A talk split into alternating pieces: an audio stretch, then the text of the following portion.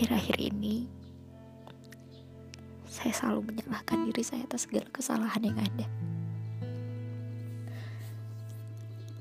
Harusnya saya memberikan penghargaan setinggi-tingginya untuk diri saya dan dengan bangga berterima kasih memeluk diri sendiri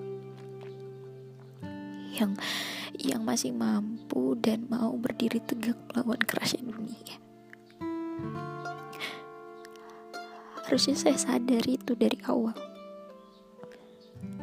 Dari awal diri saya berusaha untuk bangkit walaupun belum selesai merasakan sakitnya terbunuh.